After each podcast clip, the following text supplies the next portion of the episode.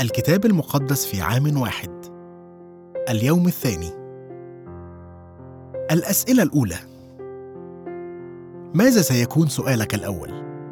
عندما كنت أمارس مهنة المحاماة في المحاكم العليا كنت أعد مرافعتي في واحدة من أولى المحاكمات الجنائية التي كنت مشتركا فيها وكان يساعدني في الإعداد محام بارز وذو خبرة وقد أراني أهمية السؤال الأول. المزمور الثاني. لماذا ارتجت الأمم وتفكر الشعوب في الباطل؟ قام ملوك الأرض وتآمر الرؤساء معا على الرب وعلى مسيحه قائلين لنقطع قيودهما ونطرح عنا ربطهما. الساكن في السماوات يضحك. الرب يستهزئ بهم. حينئذ يتكلم عليهم بغضبه ويرجفهم بغيظه.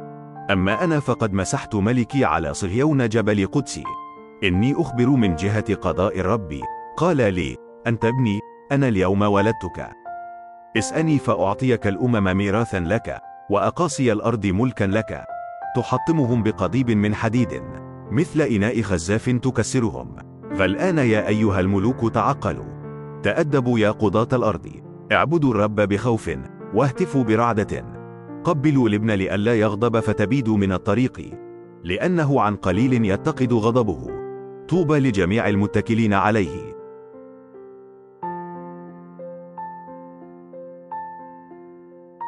يدور أول سؤال في المزمور حول يسوع. كل شيء يتعلق بيسوع أكثر الأماكن الآمنة في الحياة. أن تكون قرب يسوع. يقتبس بولس وهو يبشر بالإنجيل في أنطاكيا من هذا المزمور فيقول ونحن نبشركم بالموعد الذي صار لآبائنا إن الله قد أكمل هذا لنا نحن أولادهم. إذ أقام يسوع كما هو مكتوب أيضا في المزمور الثاني. أنت ابني أنا اليوم ولدتك. إنه يسوع وهو مسيحه. الكلمة العبرية هنا هي مشيح مسيا. إنه هو المسيح ابن الله الذي ينبغي علينا أن نحبه. قبلوا الابن. ربما يكون سياق المزمور الأصلي مهتما بموقف معين يختص بملك بشري على إسرائيل.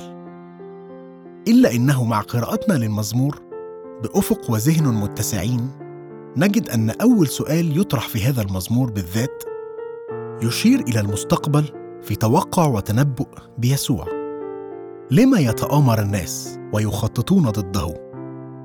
وهذا بالضبط ما نراه حاصلا في العهد الجديد حتى في القراءة الخاصة باليوم بالنسبة ليسوع. فمنذ بداية حياة يسوع تماما نرى الحكام يجتمعون معا ويخططون ويتآمرون باطلا. لكن ينتهي المزمور بطوبى لجميع المتكلين عليه. أي يا لسعادتهم أو يا لحظ أو أنهم يحسدون. في كل عواصف الحياة وخاصة عاصفة يسوع العليا الآتية في الدينونة النهائية يكون أكثر الأماكن امانا أن نوجد فيه. أشكرك يا رب.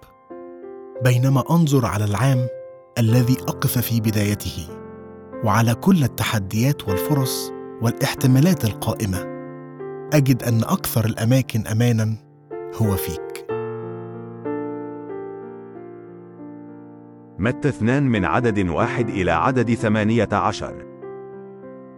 ولما ولد يسوع في بيت لحم اليهودية في أيام هيرودس الملك إذا مجوس من المشرق قد جاءوا إلى أورشليم قائلين أين هو المولود ملك اليهود؟ فإننا رأينا نجمه في المشرق وأتينا لنسجد له. فلما سمع هيرودس الملك اضطرب وجميع أورشليم معه. فجمع كل رؤساء الكهنة وكتبة الشعب. وسألهم أين يولد المسيح؟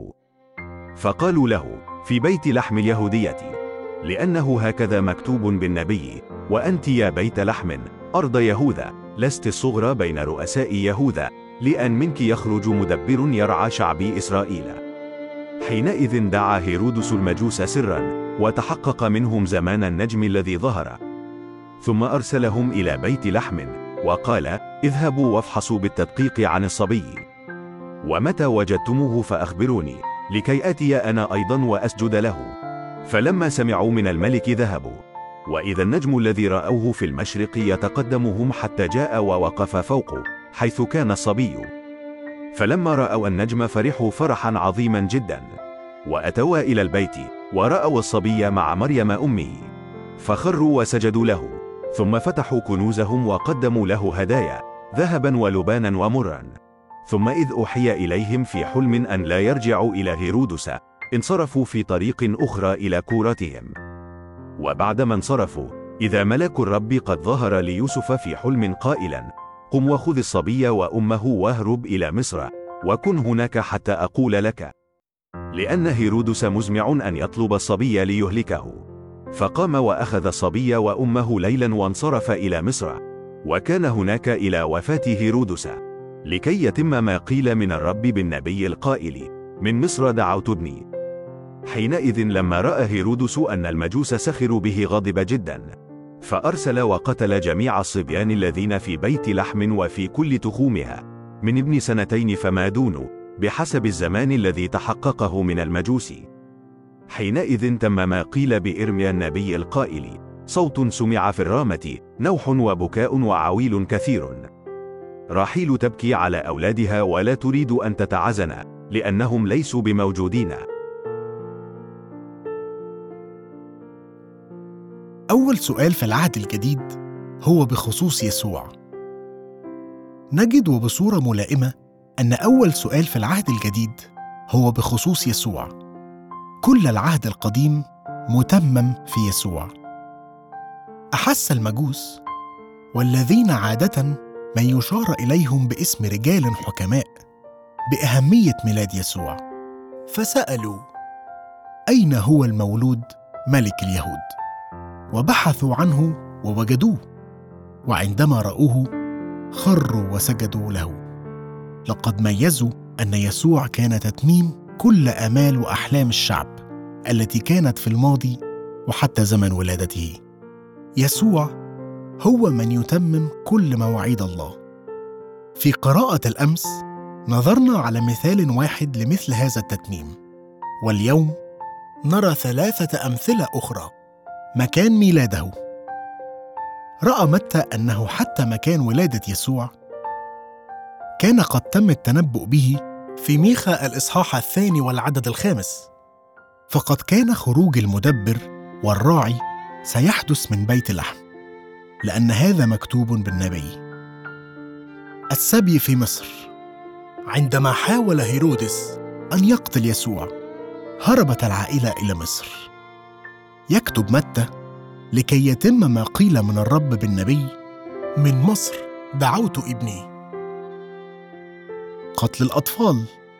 عندما أمر هيرودس بقتل كل الصبية الذين تحت عمر السنتين تمم هذا نبوة أرمياء. أيها الرب يسوع أريد اليوم أن أسجد وأعبدك. أريد أن أقدم لك كل ما عندي حياتي وكل كياني. التكوين الأصحاح الثاني من عدد ثمانية عشر إلى عدد خمسة وعشرون. وقال الرب الإله ليس جيدا أن يكون آدم وحده فأصنع له معينا نظيره. وجبل الرب الإله من الأرض كل حيوانات البرية وكل طيور السماء فأحضرها إلى آدم ليرى ماذا يدعوها وكل ما دعا به آدم ذات نفس حية فهو اسمها. فدعا آدم بأسماء جميع البهائم وطيور السماء وجميع حيوانات البرية وأما لنفسه فلم يجد معينا نظيره. فأوقع الرب الإله سباتا على آدم فنام فأخذ واحدة من أضلاعه وملأ مكانها لحما. وبنى الرب الإله الضلع التي أخذها من آدم امرأة وأحضرها إلى آدم. فقال آدم هذه الآن عظم من عظامي ولحم من لحمي. هذه تدعى امرأة لأنها من أمرئ أخذت. لذلك يترك الرجل أباه وأمه ويلتصق بامرأته ويكونان جسدا واحدا. وكان كلاهما عريانين آدم وامرأته وهما لا يخجلان. التكوين الأصحاح الثالث. وكانت الحية أحيل جميع حيوانات البرية التي عملها الرب الإله. فقالت للمرأة أحقا؟ قال الله لا تأكل من كل شجر الجنة. فقالت المرأة للحية من ثمر شجر الجنة نأكل. وأما ثمر الشجرة التي في وسط الجنة فقال الله لا تأكل منه ولا تمساه لئلا تموتا فقالت الحية للمرأة لن تموتا بل الله عالم أنه يوم تأكلان منه تنفتح أعينكما وتكونان كالله عارفين الخير والشر. فرأت المرأة أن الشجرة جيدة للأكل وأنها بهجة للعيون وأن الشجرة شهية للنظر. فأخذت من ثمرها وأكلت وأعطت رجلها أيضا معها فأكلا فانفتحت أعينهما وعلما أنهما عريانان. فخاطا أوراق تين وصنعا لأنفسهما مآزرا. وسمعا صوت الرب الإله ماشيا في الجنة عند هبوب ريح النهار فاختبأ آدم وامرأته من وجه الرب الإله في وسط شجر الجنة فنادى الرب الإله آدم وقال له أين أنت؟ فقال سمعت صوتك في الجنة فخشيت لأني عريان فاختبأت فقال من أعلمك أنك عريان؟ هل أكلت من الشجرة التي أوصيتك أن لا تأكل منها؟ فقال آدم المرأة التي جعلتها معي هي أعطتني من الشجرة فأكلت. فقال الرب الإله للمرأة ما هذا الذي فعلت؟ فقالت المرأة الحية غرتني فأكلت. فقال الرب الإله للحية لأنك فعلت هذا ملعونة أنت من جميع البهائم ومن جميع وحوش البرية. على بطنك تسعين وترابا تأكلين كل أيام حياتك وأضع عداوة بينك وبين المرأة. وبين نسلك ونسلها. هو يسحق رأسك وأنت تسحقين عقبه. وقال للمرأة تكثيرا أكثر أتعاب حبلك بالوجع تلدين أولادا. وإلى رجلك يكون اشتياقك وهو يسود عليك. وقال لآدم لأنك سمعت لقول امرأتك وأكلت من الشجرة التي أوصيتك قائلا لا تأكل منها ملعونة الأرض بسببك. بالتعب تأكل منها كل أيام حياتك. وشوكا وحسكا تنبت لك وتأكل عشب الحقل. بعرق وجهك تأكل خبزا حتى تعود إلى الأرض التي أخذت منها. لأنك تراب وإلى تراب تعود. ودعا آدم اسم امرأته حواء لأنها أم كل حي وصنع الرب الإله لآدم وامرأته أقمصة من جلد وألبسهما. وقال الرب الإله هو ذا الإنسان قد صار كواحد منا عارفا الخير والشر. والآن لعله يمد يده ويأخذ من شجرة الحياة أيضا ويأكل ويحيا إلى الأبد. فأخرجه الرب الإله من جنة عدن ليعمل الأرض التي أخذ منها. فطرد الإنسان وأقام شرقي جنة عدن الكروبيم ولهيب سيف متقلب لحراسة طريق شجرة الحياة. التكوين الأصحاح الرابع من العدد واحد إلى العدد ستة عشر. وعرف آدم حواء امرأته فحبلت وولدت قايين وقالت اقتنيت رجلا من عند ربي. ثم عادت فولدت أخاه هابيل وكان هابيل راعيا للغنم. وكان قايين عاملا في الأرض. وحدث من بعد أيام أن قايين قدم من أثمار الأرض قربانا للرب. وقدم هابيل أيضا من أبكار غنمه ومن سمانها. فنظر الرب إلى هابيل وقربانه. ولكن إلى قايين وقربانه لم ينظر. فاغتاظ قايين جدا وسقط وجهه. فقال الرب لقايين لماذا اغتظت؟ ولماذا سقط وجهك؟ إن أحسنت أفلا رفع وإن لم تحسن فعند الباب خطية رابضة وإليك اشتياقها وأنت تسود عليها. وكلم قايين هابيل أخاه وحدث إذ كان في الحقل أن قايين قام على هابيل أخيه وقتله. فقال الرب لقايين أين هابيل أخوك؟ فقال لا أعلم. أحارس أنا لأخي. فقال ماذا فعلت؟ صوت دم أخيك صارخ إلي من الأرض. فالآن ملعون أنت من الأرض التي فتحت فاها لتقبل دم أخيك من يدك. متى عملت الأرض لا تعود تعطيك قوتها؟ تائها وهاربا تكون في الأرض. فقال قايين للرب ذنبي أعظم من أن يحتمل. إنك قد طردتني اليوم عن وجه الأرض. ومن وجهك أختفي وأكون تائها وهاربا في الأرض فيكون كل من وجدني يقتلني. فقال له الرب لذلك كل من قتل قايين فسبعة أضعاف ينتقم منه. وجعل الرب لقايين علامة لكي لا يقتله كل من وجده. فخرج قايين من لدن الرب وسكن في أرض نود شرقي عدن. أول سؤال في الكتاب المقدس هو بخصوص صلاح الله هل وجدت نفسك من قبل تشك ما إذا كان طريق الله حقا هو الأفضل؟ هل تجد نفسك تتساءل عما إذا كان شيء ما يستحق التجربة على أي حال؟ حتى ولو كان الله يقول أنه خطأ أعطى الله للجنس البشري ببساطة كل ما يحتاجونه لقد صنع الخليقة كلها لأجلنا لنتمتع بها. واضعا في الاعتبار كل ما قد نحتاجه. وكان خلق البشر هو ذروة خليقة الله. ووجد حلا لمشكلة الاحتياج لوجود مجتمع بأن خلق كائنات بشرية أخرى. ليس جيدا أن يكون آدم وحده. وقد بدأ بعطية الزواج الجميلة. وهو اتحاد يستمر طول الحياة بين رجل وامرأة. والذي فيه يتم التمتع بالجنس والذي هو عطية جميلة أخرى من الله بحميمية وحرية دون الشعور بالاسم أو الخجل. ولكن بالرغم من هذا الإمداد الوفير بكل شيء جيد بحث البشر عن ما هو أكثر واستسلموا لتجربة تناول الثمرة الممنوعة. بدأت التجربة بشكوك بخصوص الله. هنا يوجد أول سؤال في الكتاب المقدس. أحقا قال الله لا تأكلا من كل شجر الجنة؟ كان خطأ حواء الأول هو أن تدخل في حوار مع الحية. لقد خلقنا لنتحدث مع الله وليس مع الشيطان. خدع الشيطان حواء بعد أن اتخذ صورة الحية لكي يقنعها بأنه لن يكون هناك عواقب لخطيتها. لن تموت. إنه ينسب لله دوافع سيئة. بل الله عالما أنه يوم تأكلان منه تنفتح أعينكما وتكونان كالله. عارفين الخير والشر. غالبا ما تكون هذه هي الحالة. أن تبتلع كذبة بخصوص الله قبل أن تبتلع الثمره الممنوعه بدت الثمرة جيدة للأكل وأنها بهجة للعيون.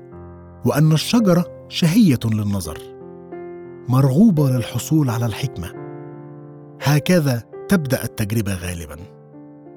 أخطأ آدم وحواء ثم بدأا كما يحدث غالبا في التستر على الخطية. فخاطا أوراق تين وصنعا لأنفسهما مآزر. أول سؤال يسأله الله في الكتاب المقدس هو بخصوصك أنت. متى سقطت بعيدا عن علاقتك معه؟ سيبحث الله دائما عنك. انكسرت صداقة آدم وحواء مع الله. عندما سمعا الله اتيا فاختبآ لكن أتى الله فورا باحثا عنهما. حيث نجد أول سؤال له في الكتاب المقدس. أين أنت؟ لم يتركهما الله وشأنهما. لقد أتى باحثا عنهما راغبا في استرداد العلاقة معهما. ويقول للحية إن واحدا من نسل حواء سيسحق رأسك وأنت تسحقين عقبه. يسوع هو الشخص الذي سيسحق رأس الحية ولكن ستكون هناك تكلفة وأنت تسحقين عقبه. نرى هنا أول ملاحظة عن تكلفة استرداد العلاقة. على الصليب سحق يسوع إبليس. ولكن هذا كلفه حياته. لقد بذل دمه لكي ما يغفر لك ولي ولكي ما نسترد العلاقة مع الله. أول سؤال يسأله البشر هو بخصوص المسؤولية. أحارس أنا لأخي؟ هذا هو السؤال الحاسم بالنسبة لليوم. هل تتحمل مسؤولية الآخرين؟ كانت نتيجة السقوط هي علاقة مكسورة مع الله. لام كل من آدم وحواء بعضهما البعض. وفي الإصحاح الرابع نقرأ أن ابنيهما أيضا اختلفا مع بعضهما البعض. بدأت هنا المجادلات والمشاجرات والاختلاف بين أحدهما الآخر. لقد فسد الجنس البشري من ذلك الوقت فصاعدا. حاول أن تتجنب المجادلات. لأنك نادرا ما ستكسب واحدة. فهي مدمرة جدا. كان قايين غاضبا من أخيه هابيل. فاستمر الله في سؤاله. لماذا اختصت؟ ولماذا سقط وجهك؟ إن أحسنت أفلا رفع؟ وإن لم تحسن فعند الباب خطية رابضة. وإليك اشتياقها وأنت تسود عليها. إما أن تسود على الخطية الآن من خلال قوة الصليب والقيامة وبمعونة الروح القدس أو أن الخطية تسود عليك. في حالة قايين سادت هي عليه فقتل أخاه. إلا أن الله سأله سؤالا آخر أين هابيل أخوك؟ في رده سأل قايين أول سؤال يسأله إنسان في الكتاب المقدس. أحارس أنا لأخي؟ أراد قايين أن يتحاشى المسؤولية. لقد كان يقول هل حقا أتحمل مسؤولية أي شخص آخر سوى نفسي؟ الإجابة الكتابية هي إنه بالفعل لديك مسؤولية تجاه الآخرين. لا يمكننا أن نستثني أنفسنا من المسؤولية بخصوص ما يحدث من حولنا في مدينتنا أمتنا والعالم.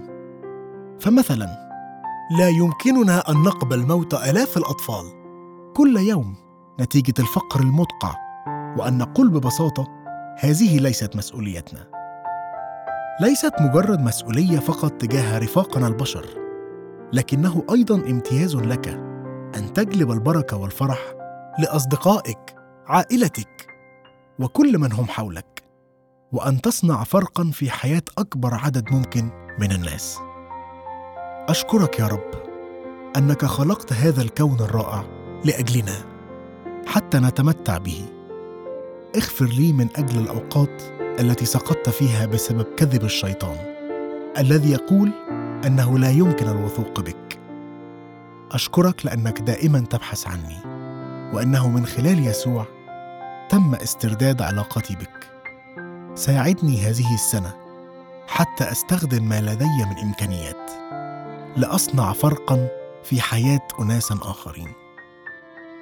حينئذ لما رأى هيرودس أن المجوس سخروا به غضب جدا فأرسل وقتل جميع الصبيان الذين في بيت لحم وفي كل تخومها من ابن سنتين فما دون بحسب الزمان الذي تحققه من المجوس. دائما ما أشعر بأنني مصدومه عندما أقرأ هذه الفقرة. يا له من شيء مريع هذا الذي فعله هيرودس بالضعفاء. فقط لأنه شعر بعدم الأمان بخصوص مركزه الشخصي. هل كنت في أي وقت في موقف يجعلك تضع الآخرين تحتك وتحاول أن تؤمن وضعك الشخصي؟